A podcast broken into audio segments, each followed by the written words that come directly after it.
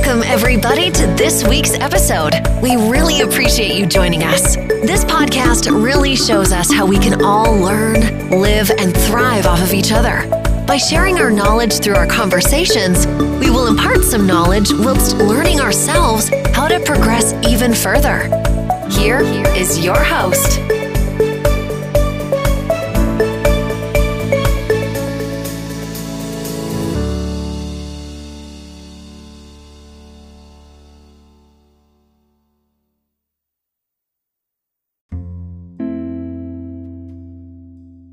Assalamualaikum warahmatullahi wabarakatuh. Uh, jika kalian mendengar suara ini, berarti kalian sedang mendengarkan Ngelem Podcast masih bersama gue Sumo Wijoyo dan saya Dita. Rekaman pertama setelah off beberapa bulan, Mbak ya. Beberapa bulan kita off. Berapa ya? Hampir tiga bulan. kita kondisi HP semua, HP ku nggak muat, sawah juga, lewat Iya. nggak kuat juga ya. Nggak Aduh, kuat, nggak kuat. eh, Terus juga kitanya, kemarin kayak ada kejadian yang keulang untuk kesekian kalinya. Soal Apa suara-suara yang nggak jelas itu pada masuk. oh iya sih, ah, ah. Itu Iya. sebenarnya yang bikin saya agak gimana gitu mau ngerekam suara lagi gitu. Ya mudah-mudahan mudah-mudahan malam ini lancar-lancar aja ya. iya, Terus eh, untuk malam ini pepatah yang tepat buat tema episode malam ini adalah eh, cinta ditolak dukun bertindak. Lah. Untuk orang Indonesia terutama khususnya orang Jawa kan biasanya nggak lepas dari dunia-dunia klinik atau perdukunan ya, Mbak ya. Sebenarnya nah itu dia. Sehebat apa sih dukun-dukun di Indonesia itu sebenarnya? Sebenarnya kalau mau dibandingkan dengan standar internasional, kalah sih. Oh, Nggak karena gini mas, eh, apa? Jadi gini, setiap daerah, se- jangankan setiap negara ya, kita beda kecamatan aja itu sudah beda wilayah, beda kekuasaan, beda desa aja. Nah lebih dekat lagi, beda desa aja itu sudah beda kekuasaan. Makanya agak susah ya kalau kita misalnya kita mau kirim santet itu sudah, ini kita bahas santet ya kirim salad ataupun pelet juga itu keluar dari arena kota misalnya saya mau kirim nih tapi orangnya ada di Jakarta itu sangat susah sekali kecuali orangnya ada di Semarang gitu ya. Sama-sama nih dengan saya ada di sini itu bisa. Itu akan lebih mudah gitu sekalipun beda kecamatan beda ini nembusnya gitu loh mas. Mm-mm. karena kan kita ada gerbang-gerbang yang harus ditembus gitu. Apalagi internasional itu gimana nembusnya makanya jangan jangan pernah percaya seperti yang kemarin ada tayangan ya di YouTube juga kalau ada yang berusaha kirim-kirim santet ke luar negeri itu itu jelas konten itu saya pun juga nggak pernah ah nggak ini nggak beres nih kalau sekedar dia mau berarti, bilang gitu. atau gimana? jelas jelas itu. Pasti dia bikin tuh untuk kepentingan konten aja. Karena secara logikanya gitu gimana kita bisa menembus itu. Sementara ya yang bisa menembus itu mohon maaf kalau kelas di internasional kelas which ya ataupun yang itu, sudah aduh itu udah tinggi banget gitu. Dan itu mereka nggak sembarangan gitu. Makanya kan kenapa aku bilang bukannya merendahkan yang di sini ya? Bukan maksudnya memang secara keilmuan itu semakin tua ilmunya itu akan semakin bagus gitu. Makanya nggak heran ketika ada kalau yang di luar negeri itu bisa dia kirim seperti itu. Karena memang kelas kelas witch dengan kelas dukun kita paranormal kita itu berbeda mas. Itu lebih kuno lebih tua ilmu mereka. Makanya mereka pun juga tidak seperti dukun-dukun kita yang promosi gitu ya. Nggak nggak nggak nggak seperti itu Hmm. dulu ada cerita suami seperti itu tapi kita nggak berani bahas ya karena itu cukup ini juga sih kita bahas yang lokalan aja Hmm. kita bahas lokalan aja. Oke, kalau dukun juga eh, punya masing-masing keilmuannya sendiri-sendiri ya Mbak ya. Nah yang mau Iya. kita bahas malam ini adalah dukun santet. Nih, dari dulu saya tuh paling penasaran gimana uh, kalau kita bilang bagaimana cara barang-barang itu masuk ke dalam tubuh manusia gitu. Nah ini tapi kita perlu luruskan lagi nih mas tentang hmm. santet karena hmm santet itu ternyata beragam dan ya. sayangnya ya kita tahunya itu karena dari film-film itu mm-hmm. yang disuguhkan adalah santet pakai paku, beling ya. dan sebagainya ya maksudnya benda-benda asing yang dimasukkan ke dalam tubuh tetapi perkembangannya dan dulu pun gitu itu namanya dibilang dukun santet nggak mesti menyakiti orang gitu apa ya ada yang dia jatuhnya ke pengobatan tapi kalau sekarang bilangnya healer ya atau healing ya healing. orang yang menyembuhkan gitu ya uh, healing kan prosesnya healer itu kan orangnya. Yeah. tapi kalau dulu tuh aku juga baru tahu juga sih maksudnya oh itu masuk ya gitu ke santet. Jadi tidak harus serang menyerang secara negatif tetapi ada juga yang positif gitu. Cuman karena oke okay lah karena kita ini sudah terlanjur ke bawah gitu ya. Secara sisi negatifnya ya udah kita bahas yang itu aja. Jadi gimana? Sampai dengan bagaimana caranya benda-benda itu bisa masuk. Hmm. Uh, gini, kita perlu tahu juga jenis-jenis santet itu kan ada banyak gitu ya. Ya kita nggak mungkin mau jabarin di sini gitu bentuknya apa aja, tetapi cara membaginya itu kalau aku ya, eh kalau saya maksudnya baginya ada di, di satu pikiran, kedua di masalah masuk ke benda-benda. Ini satu lagi ada yang agak nyeleneh nih mas. Apa? Dia itu menyamar sebagai penyakit yang medis. Menyamar sebagai penyakit medis. Oh iya? Itu agak aneh gitu. Iya ini menyamar. Sebagai itu pernah ada kasusnya nah itu itu baru.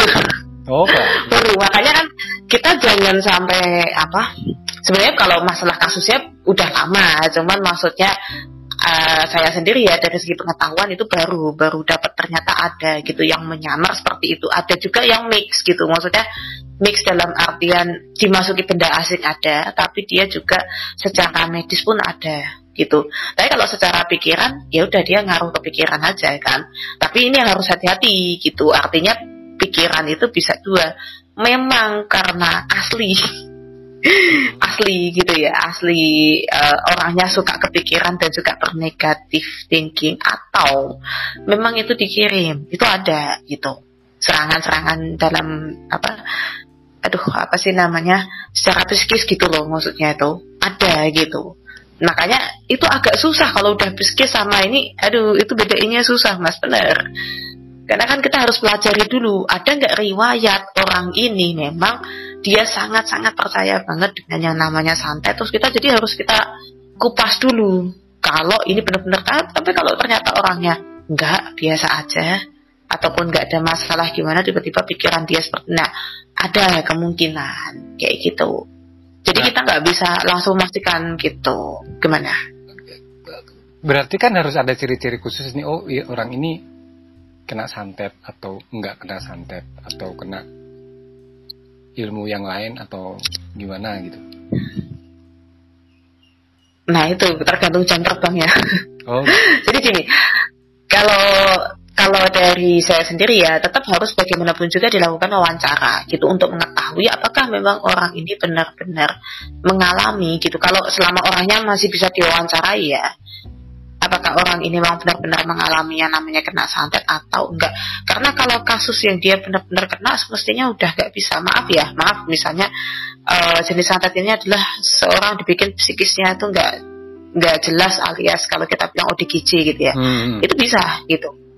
Itu bisa banget gitu kan. Dan rata-rata memang korban santet itu sendiri harusnya udah nggak bisa ngapa-ngapain. Karena barusan tadi siang juga gitu ada lagi yang kalau kita nggak bisa membedakan itu terjadi karena dia berbuat sesuatu hal yang salah pada sekumpulan atau ya salah satu makhluk astral itu bisa juga jadi sehingga makhluknya marah dan berbuat sesuatu pada tubuh kita itu itu bisa ada yang seperti itu susah kan?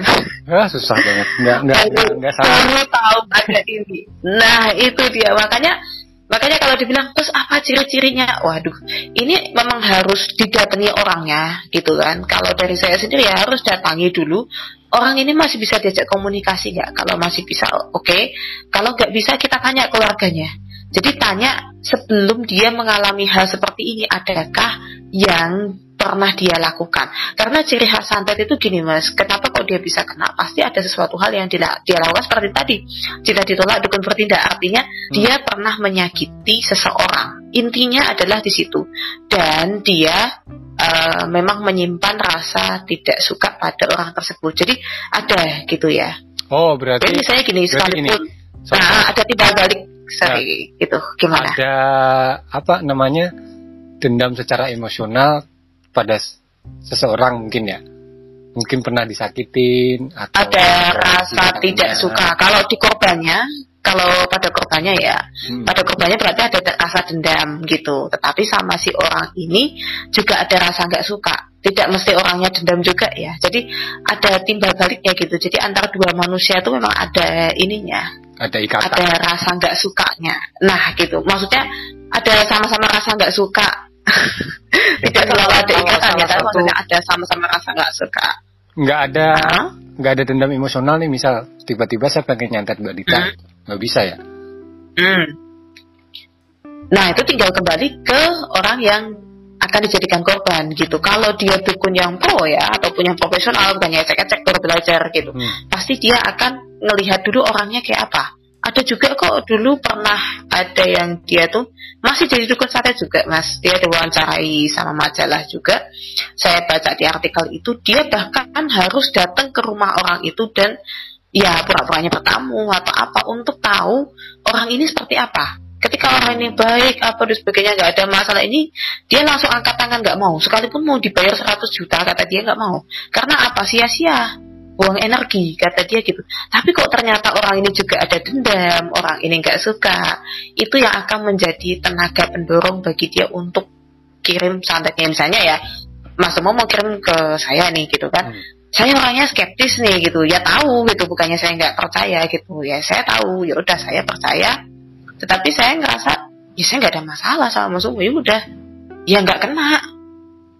Nanti mental gitu aja. Nanti mental jadinya? Karena memang saya nggak ada apa-apa gitu. Kecuali saya memang ada terbesit rasa nggak suka. Nah itu bisa kemungkinan masuk. Dan satu lagi mas pikiran saya saat itu sedang kacau atau sedang kalut. Makanya beberapa ini juga beberapa dukun yang tahu ya caranya adalah dengan memanfaatkan sisi emosional dari orang itu. Karena pasti dia tahu nggak mungkin orang tuh wah positif terus gitu. Pasti ada ketika dia jatuh down di situlah ah masuk. Gitu caranya. Ya. kalau dia nggak ada masalah apa apa ya cara memasukkannya seperti itu.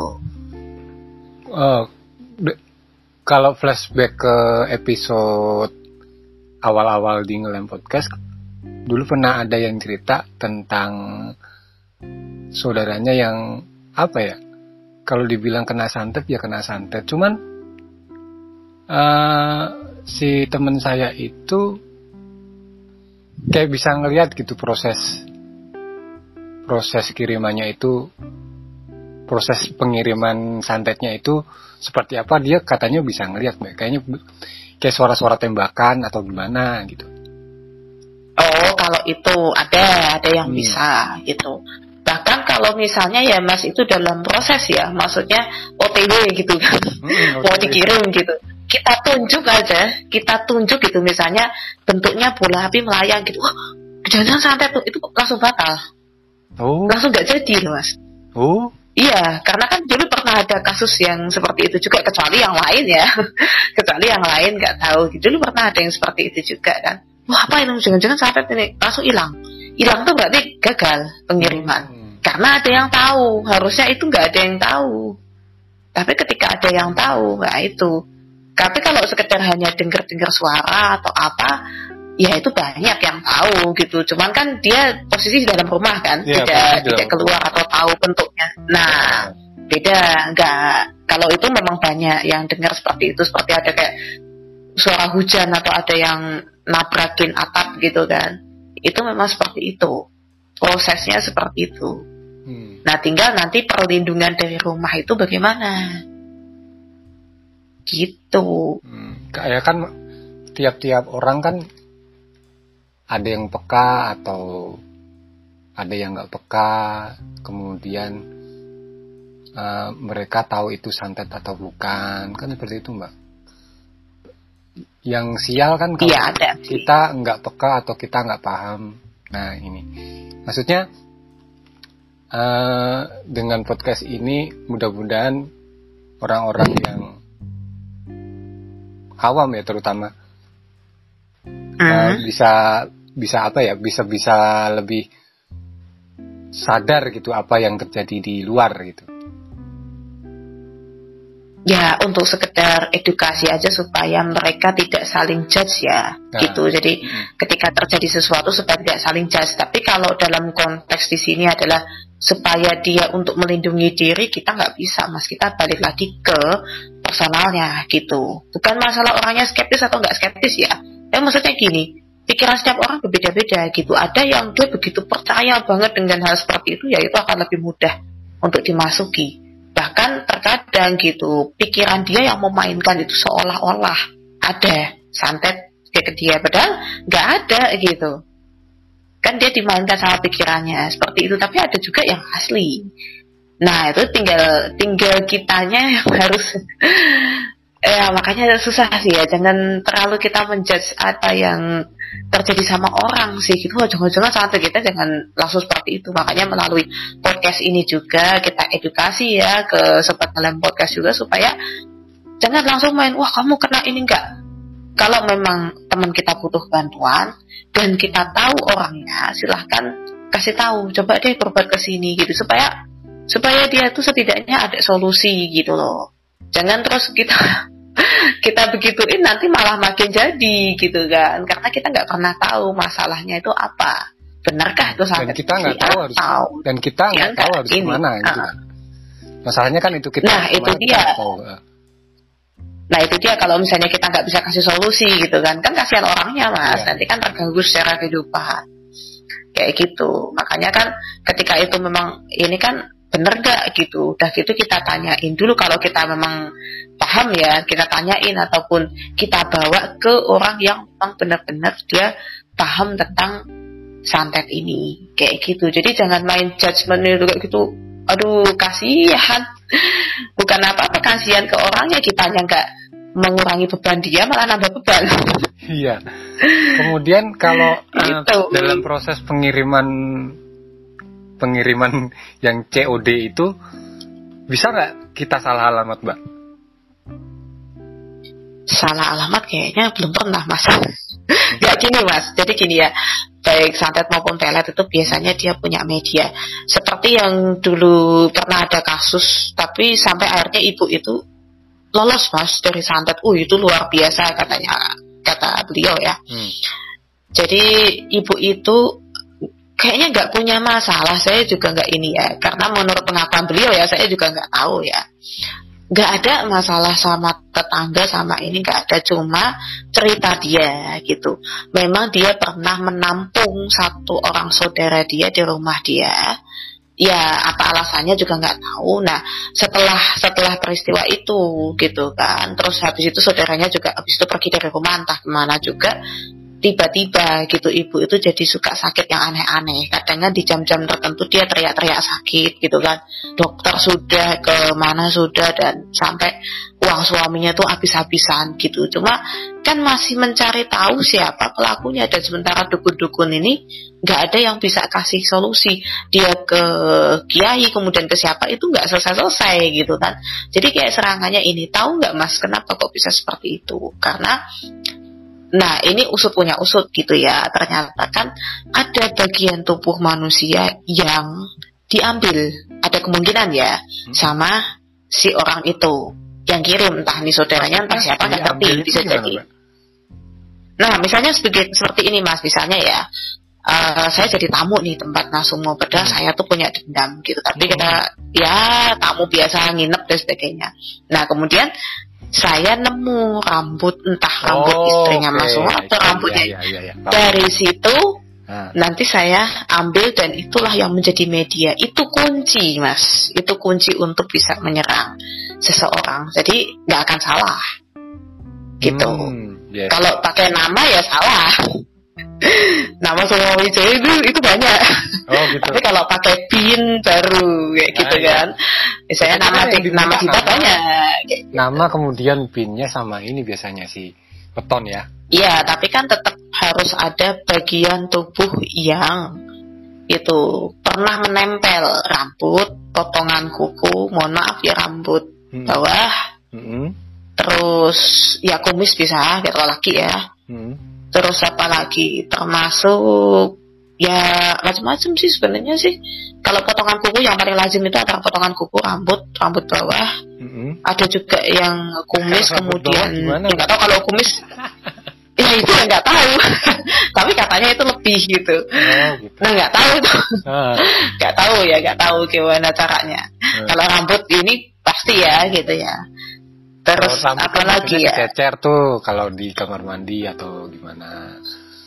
ya ataupun kita di lantai gitu aja Hmm. potongan kuku kan bisa misalnya kita Foto pas gitu foto. lengah foto bisa tapi foto itu begini mas foto itu kan ada masa berlakunya juga ya misalnya kita sudah ambil katanya kita ambil dari foto tiga tahun yang lalu sekalipun wajahnya sama juga Oh. ini nggak berlaku mas Ah. Eh, eh, Iya, iya, terus terus yang kedua gini kita kan kalau kita foto ya sekalipun dicetak itu kan sudah editing ya. Hmm. itu nggak bisa loh. Malahan justru yang asli. Seasli aslinya foto. Kan jelek kan biasanya gitu kan. Hmm. kalau di foto studio kan juga gitu pasti kan dirapikan dulu kan. Iya iya. Maksud orang biar tampak lebih bersih gitu lah. Itu itu malahan nggak ngaruh. Editing gitu diedit edit foto. Hmm. itu malah nggak ngaruh malahan. Tapi kalau dia apa justru asli gitu kan. Misalnya apa nih buat foto buku nikah gitu kan asli ya nggak boleh Hmm. di ini kan. Nah itu bisa juga. Tapi kalau udah diedit ya nggak bisa. Oh. sama aja. Nggak pakai filter maksudnya. Nggak pakai filter sama sekali itu itu justru yang paling ini tapi kalau sebanyak apa sih di antara foto rambut dan sebagainya ya tetap harus ada bagian anggota tubuh sih Hmm. itu tetap harus ada sih Dulu saya soalnya Apa pun pernah ini mbak, pernah nemenin saudara saya? Hmm. ya dibawa ke suatu tempat gitulah. Itu katanya Hmm. dia tuh kena apa ya, guna-guna atau gimana lah. Setelah dibawa ke seseorang gitu, saya ngeliat sendiri dengan mata kepala sendiri mbak. Itu jarum, paku itu keluar dari dalam tubuh. Jadi saya kayak, kayak saya kayak ngelihat pertunjukan sulap gitu loh. tapi gini juga mas eh, apa yang perlu kita ini juga ya bahwa paku-paku itu dan sebagainya kan pada dasarnya itu kan benda gaib ya Hmm. benda dimasukkan secara gaib ya Eh, harusnya kan itu tidak nampak secara kasat mata kita ya. Nah itu yang yang saya khawatirkan sih gitu. Itu jatuhnya bisa jadi itu pertunjukan sulap. Karena beberapa yang mencoba untuk mengeluarkan itu gitu. Ada yang memang bisa dikeluarkan secara nyata ya fisik Mm-mm. itu ada. Ada juga yang enggak. Saya juga ada waktu itu cerita salah satu penjahit tukang permak lah Mm-mm. itu kan padahal apa? Dia tiba-tiba sakit pinggang dan ternyata ya dia langsung sadar gitu kalau itu ada yang ngirim. Itu dikirimnya itu pasir mas. Begitu dikeluarkan tuh katanya menurut Pak Kiainya itu pasir. Kan ditunjukin di tangan tapi dia nggak nggak bisa ngelihat pasirnya. Tapi Hmm. sakitnya hilang gitu. Jadi ternyata katanya dimasukin pasir ya mungkin pasir khusus ya pasir apa dan sebagainya sama balok-balok kayu. Gimana caranya masuk ke badan orang gitu kan. Makanya kan pinggang dia sakit gitu. Tiba-tiba sakit. Dan ternyata ketika dikeluarkan ini loh gitu. Ditunjukkan sama Pak Kiainya ini loh. Tapi nggak lihat apa-apa cuma lihat tangannya Pak Kiai. Nggak ada gitu. Hmm. makanya kalaupun itu bisa ditunjukkan berarti kita sama saja seperti mengubah ether menjadi ya menjadi yang nyata ya fisik ya itu yang bisa dilihat gitu ya. fisik, uh. gitu. Tapi ada juga yang memang dimasukannya itu memang real gitu, hanya cara prosesnya aja, prosesnya secara gaib gitu ya. Tapi itu bendanya real ada juga sih, ada memang. Hmm. Makanya tergantung dari caranya, sama apa yang dimasukkan itu balik lagi ke situ. Hmm. Setiap dukun beda-beda soalnya. Ntar ya kalau misal kita mau menyembuhkan begitu berarti akhirnya perang dukun antar dukun dong. Tidak harus perang sebenarnya.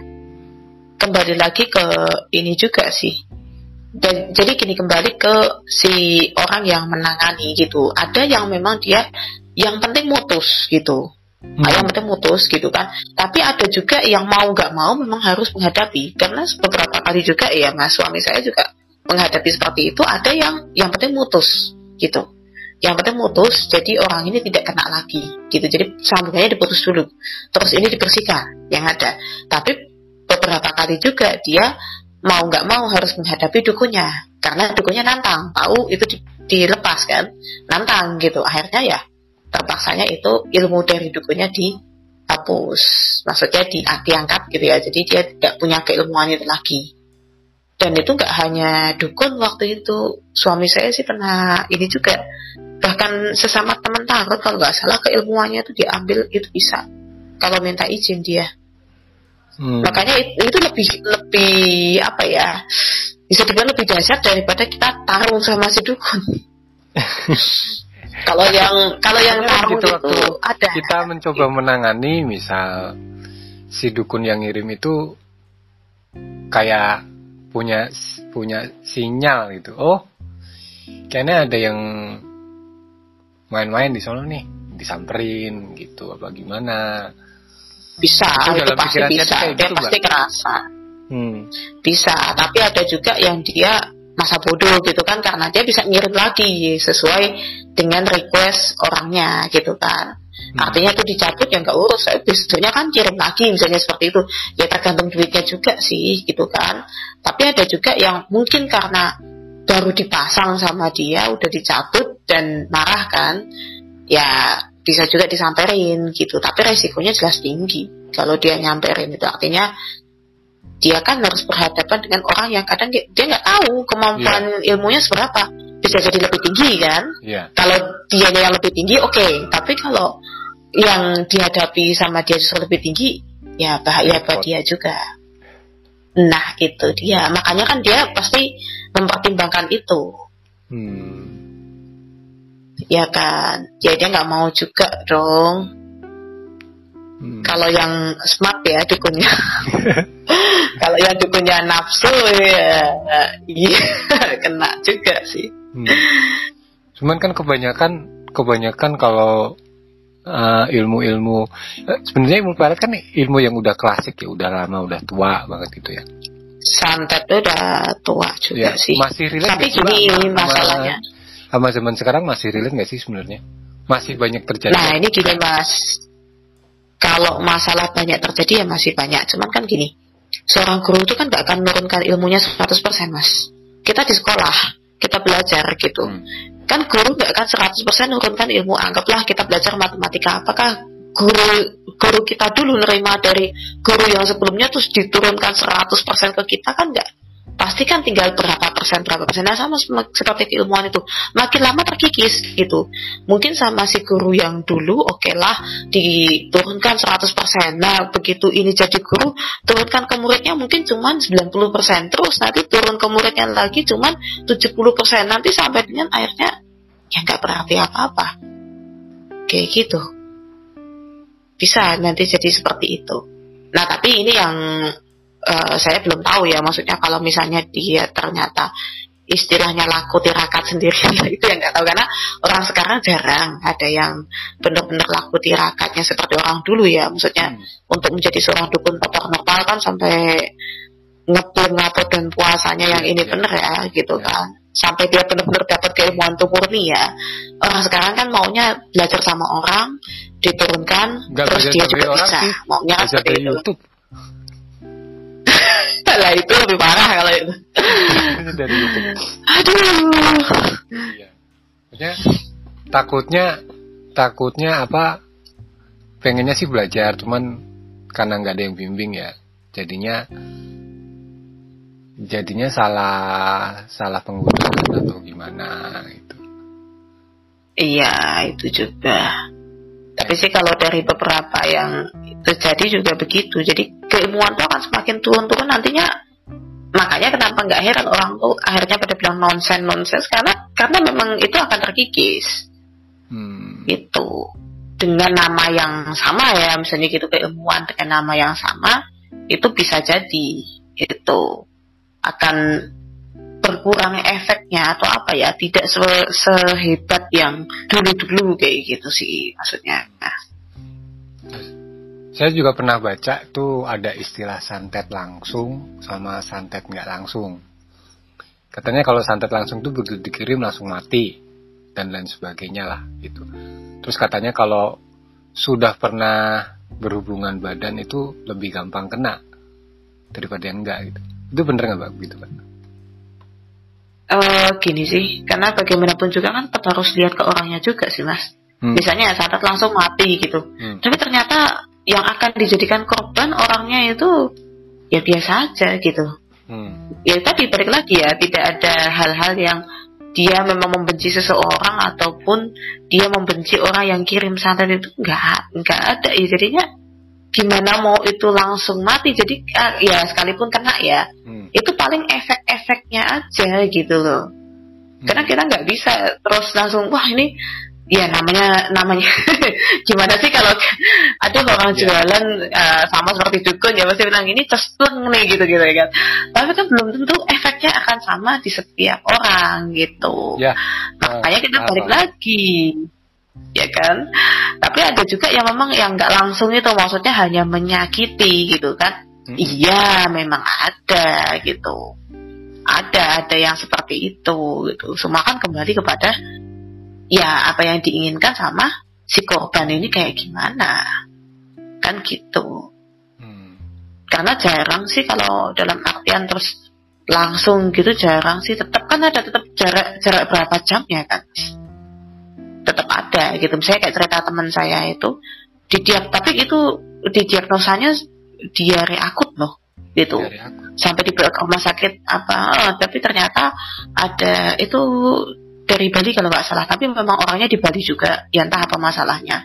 Saya juga nggak begitu ini. Katanya sih waktu itu di diagnosa sama diare akut gitu. Sampai orangnya nggak berhenti berhenti ini udah lemes itu itu jam terus sorenya langsung meninggal ya. Karena dikeluarin terus nggak ada ini nah seperti itu tapi kan ada tetap ada nggak langsung ya, ya. apa maksudnya ya. kayak gitu sekali kirim lima menit kemudian nggak gitu maksudnya ada jarak ada jam prosesnya gitu. lah ya ada tetap hmm. siang kirim sore ini gitu kan tetap tetap ada hmm. seperti itu terus bagaimana dengan orang yang uh, pasangan jatuh cinta mbak kalau pasangan jatuh cinta kita lihat lagi ke orang kayak gini. Kalau misalnya kita ngomongin tentang cinta ditolak ya hmm, cinta cara menolaknya itu seperti apa? Hmm. Nah, jadi gini ada dulu ada satu cerita cukup ini juga ya dan mungkin orang, akan ngira bahwa itu sejenis santet tapi kalau aku sih eh, dari saya sih sebenarnya sih itu kayak karma gitu ya. Sedikit cerita aja ya karena hmm. ceritanya ada di buku. Kok lupa bukunya di mana. Jadi ada cerita tuh cewek ini kembang desa lah gitu ya. Nah si cowok ini udah seneng begitu seneng dan mereka tuh sebenarnya sahabatan gitu. Jadi ya udah biasa lah ketika SMA nah ketika lulus semuanya akhirnya kan yang cowoknya ini baru bilang gitu. Kalau dia tuh seneng gitu kan. Tetapi kan si bapaknya si cewek ini dan cewek ini memang nggak suka gitu ya sama si cowok itu. Memang memang nggak suka. Dan si bapaknya cewek ini memang sudah punya calon gitu. Memang sudah punya calon dan memang mau dinikahkan. Bukannya tidak suka dengan si ini tapi karena kayak istilahnya namanya orang desa ya kan udah terikat gitu ya istilahnya. Tak jodoh ke karo si ini gitu hmm. kan. Ternyata si si siapa yang seneng gitu. Nah sayangnya itu si ceweknya cara menolaknya adalah ragu-ragu.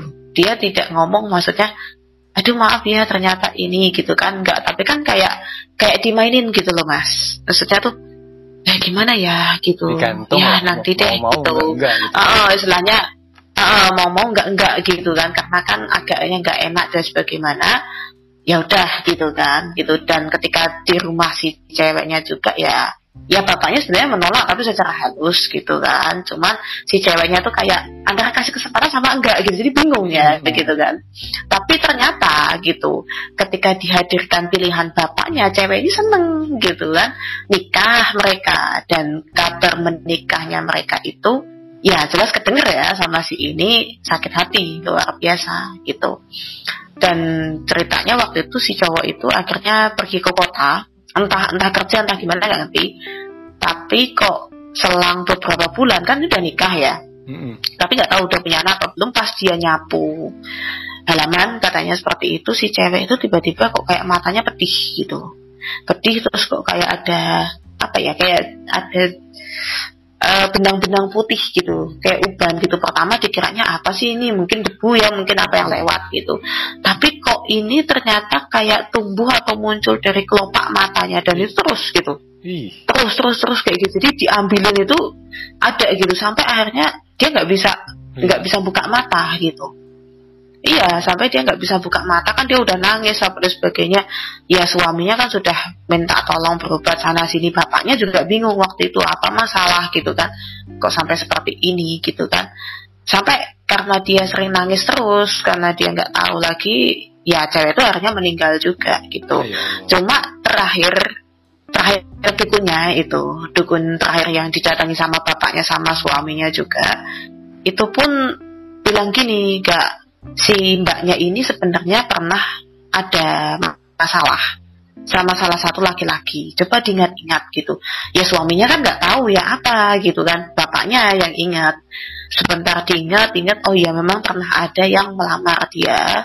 Memang sebenarnya sudah ditolak secara halus, cuman bapaknya yang nggak ngerti ini gimana perlakuan anaknya karena keluhnya dari si dukun ini adalah cari gitu karena hanya dia. Itu waktu itu belum belum meninggal ya. Waktu itu belum meninggal karena kan sudah parah karena si cewek ini sudah kurus bener kan nggak bisa ngapa-ngapain. Karena untuk mengobati cuma dia. Jadi istilahnya cuma mau minta maaf kalau itu memang ada salah. Itu bapaknya sampai nyari itu susah karena dari keluarganya itu nggak ada yang tahu dia pergi ke mana. Hmm. alasan dia kerja kah atau apa pokoknya cuma bilang ke kota karena sakit hati bener ya waktu itu ya. Sampai akhirnya ada informan istilahnya gitu yang tahu kan oh ternyata dia tuh ada di kota ini di kos ini gitu dicari hmm. bener ada. Sampai didobrak uh, waktu itu agak didobrak ya pintu kosnya. Anehnya gitu cowok ini udah nggak ada kosong. Kamar kos itu kosong cuman ada beberapa barang tinggalan apakah meninggal juga atau gimana nggak ngerti ya. Hmm. jadi itu yang aneh gitu kamar kos itu sudah kosong cuma ada beberapa seperti baju-baju cowoknya masih ditinggal. Terus uh, menurut penjaga kosnya juga dia sudah lama nggak pulang. Jadi kayak tas ransel dan sebagainya masih ada. Cuma ada satu yang ditemukan sama uh, mereka yang datang ke situ gitu kan. Jadi ada foto si cewek ini waktu zaman gadis dulu. Hmm. foto pun dan foto kecetak. Tapi itu sudah kayak di, di apa ya kayak bekas-bekas lubang jarum gitu loh ya. di, di di bagian matanya gitu di bagian matanya kayak oh. dicolok-colok gitu Iya iya iya. Tapi nggak ada benang putih atau apanya nggak ada gitu. Nah apakah itu? nah itu itu uh, saya sendiri soalnya sampai dengan sekarang hal-hal semacam itu itu kan juga pasti orang akan merasa bahwa oh itu santet juga gitu. Hmm. Tapi kan ternyata enggak itu ada sesuatu hal gitu kan. Apakah si cowok ini mempelajari ilmu santet yang nggak tahu juga gitu kan? Tetapi gitu dengan adanya rasa sakit hati yang luar biasa itu bisa menimbulkan hal semacam itu. Makanya kan kita harus tahu dulu bagaimana cara menolak dan kalaupun kita memang nggak suka gitu apa yang apa ya kita lakukan pada si orang ini. Kalau memang menolaknya dengan cara halus kemudian memang ada alasan yang jelas alasannya jelas ya. Ya mau dia ngirim model kayak apa ya nggak nggak masuk. Hmm. kecuali kirim paling efeknya ke keluarganya. Nah mungkin. Ke ceweknya enggak tapi efeknya ke keluarga ceweknya. Mungkin. Hmm. seperti itu. Hmm gitu ya. Jadi kenaknya ke bapaknya, ke adiknya itu bisa gitu. Padahal targetnya adalah dia. Tapi kalau misalnya dia saja menolak sudah kasar, ah itu pasti gitu kan dan sudah menyakiti gitu ya. Ya namanya ditolak pasti sakit ya mas. namanya tidak ditolak sakit gitu ya. Cuman cara gitu.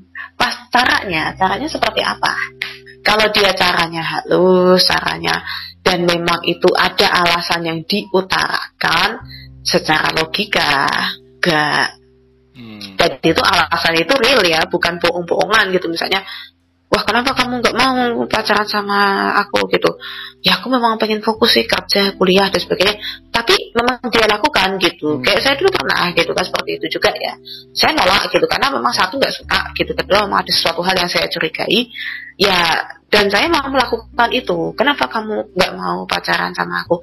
Karena satu aku mau fokus nih kuliah gitu. Yang kedua memang aku pengen fokus kerja. Dan memang waktu itu aku lakukan eh saya lakukan mas hmm. maksudnya fokus kuliah lulus kemudian kerja memang jadi jangan bohong gitu. Kalau memang itu nggak suka kenapa gitu? Tapi juga jangan bilang kenapa nggak suka? Karena kamu jelek ya.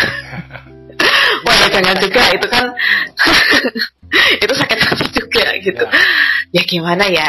Nah, gitu karena ya belum ada pikiran untuk pacaran saya seperti itu. Dan memang memang nggak seret untuk pacaran ya sudah gitu.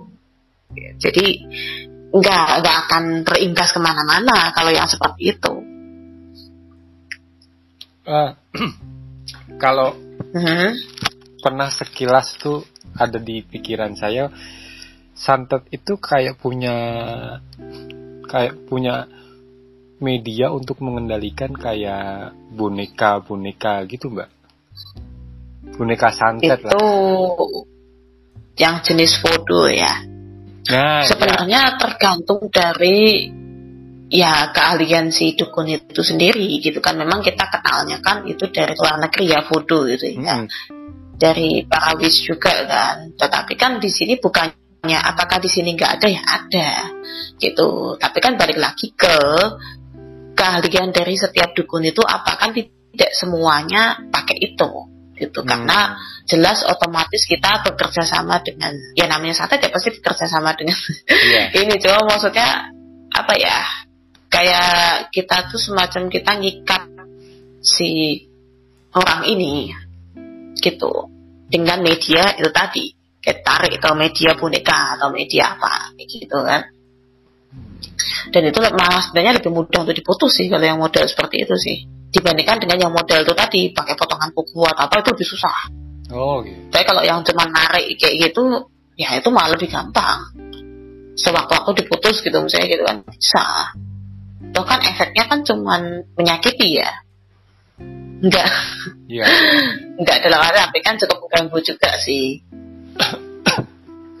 ya pokoknya kesimpulannya untuk mau santet, mau pelet, mau apa pun itu ilmunya kuncinya adalah di diri kita masing-masing ya. Bagaimana kita memperlakukan ya. orang, bagaimana Betul. orang lain. Terus, iya termasuk mindset kita juga mas. Ya. Nah itu mempengaruhi mindset kita sudah kacau, kita stres, kita ini jelas kita akan mudah sekali untuk dimasuki. Yang bahaya itu yang katanya bisikan-bisikan itu mbak. yang bahaya sebenarnya. Nah, itu kan secara psikis. Ya, secara secara psikis gitu kan. Karena kalau kita kalau orang main Dan, berarti kan akal sehatnya udah nggak jalan gitu sih kalau saya. Ya kembali ke kasus mas sebenarnya. Hmm. Toh lagi pula ya kalau kalau saya sendiri ya saya pribadi misalnya sekalipun kita disakiti orang gitu, kan nantinya orang itu akan dapat karmanya sendiri sih sebenarnya ngapain kita balas ya, ngapain? kita buang duit ya? Kalau kita sadar akal sehat kita berjalan lebih baik. Iya nah, iya. Kalau akal sehatnya udah nggak tapi kan kadang nah itu deh jadi kan uh, santet yang bekerja. Itu tapi kan kadang kan kita kita nggak sabar gitu. Wah saya pengen banget melihat si A, si B menderita gitu. Karena dianya dulu sudah menyakiti misalnya seperti itu. Ya bisa tapi kan pertama kita buang-buang duit gitu. Kedua ya otomatis kita memupuk karma buruk. Artinya bisa suatu saat itu akan terbalas ke anak keturunan. Itu yang nggak enak loh. Iya, jadi kadang anak keturunan nggak tahu nggak taunya dari leluhur ataupun dari kita sendiri ternyata pernah berbuat seperti itu. Ya gimana? Ya, yang Karena sering terjadi ada, kayak gitu, gitu sih. Itu dia. Orang sebelum kita pernah melakukan kesalahan yang mungkin mereka nggak menyadari kalau ada kesalahan itu kemudian yang kena imbasnya ke anak cucunya itu yang jadi masalah. Nah, Hmm, jangan Tuh makanya kalau kita sayang sama keturunan ya jangan deh gitu. Apa pun itu sih ya sebenarnya. Nah, nggak berasa udah 45 menit kita podcast. Mungkin eh, untuk santet takutnya kita ngobrolnya jadi ke mana-mana ini, Mbak. Ya tapi kalau dari inti sih ke situ sih mas sebenarnya nggak ada yang. uh, jadi kalau kesimpulan sih gini, apa pun itu gitu ya, mau jenis santet ataupun pelet, yang penting adalah kita jaga mindset kita gitu. Bukan berarti kita terus jadi orang yang mencoba untuk menghalangi bahwa santet pelet itu tidak ada nggak justru kita yakini dulu itu ada. Tetapi kalau gitu ya pikiran kita bisa kita jaga kita selalu positif gitu ya. Kita bisa memanage pikiran dan kegiatan yang ada itu insya Allah deh terhindar gitu ya. Kalau dari saya sih itu kesimpulan dari ini ya. Jadi sobat kalian pun nggak perlu takut dengan adanya ini aduh iya ya gimana? Kalau ini nggak ya kalau kita memang nggak pernah berbuat sesuatu hal yang menyakiti orang ya kenapa kita harus takut gitu ya? Kalau orang itu merasa sakit hati karena kita tapi apa yang kita lakukan sudah benar ya ya nggak akan sebenarnya. Nggak nggak akan kena gitu. Ya ngapain gitu kan? Kembali ke pribadi kita masing-masing. nah itu dia. Itu dia sebagai Jadi kita kan harus kuat di dalam pikiran kita dulu. Itulah benteng yang paling besar gitu. Bukan masalah baca surat ini apa kalau kalau yang ini ya Islam ataupun yang yang lain yang beragama lain gitu kan baca doa ini sebagainya enggak. Tapi bentengi diri kita dulu justru dari pikiran itu sebenarnya. Iya, Dari pikiran kita lah bermula semuanya. oke lah. Dari situ sudah sehat, ya nggak akan masalah di kemudian hari sebenarnya. Dari situ sudah bermasalah, ya kena. Ya, semoga dengan podcast malam ini kita semua bisa saling menginstrus apa mengintrospeksi diri kita masing-masing. Semoga kita tetap dalam keadaan yang baik eh, di di dalam circle yang baik pula sehingga hal-hal yang santet-santet itu tadi nggak terjadi sama kita. Oke, kita tutup podcast malam ini. Terima kasih Mbak Dita. Dan Ya, Assalamualaikum warahmatullahi wabarakatuh. See you.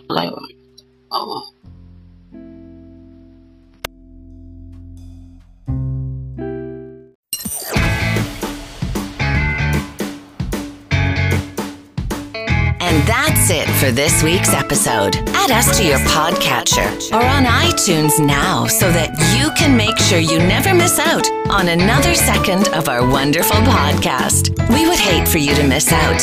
Have a great week, everyone.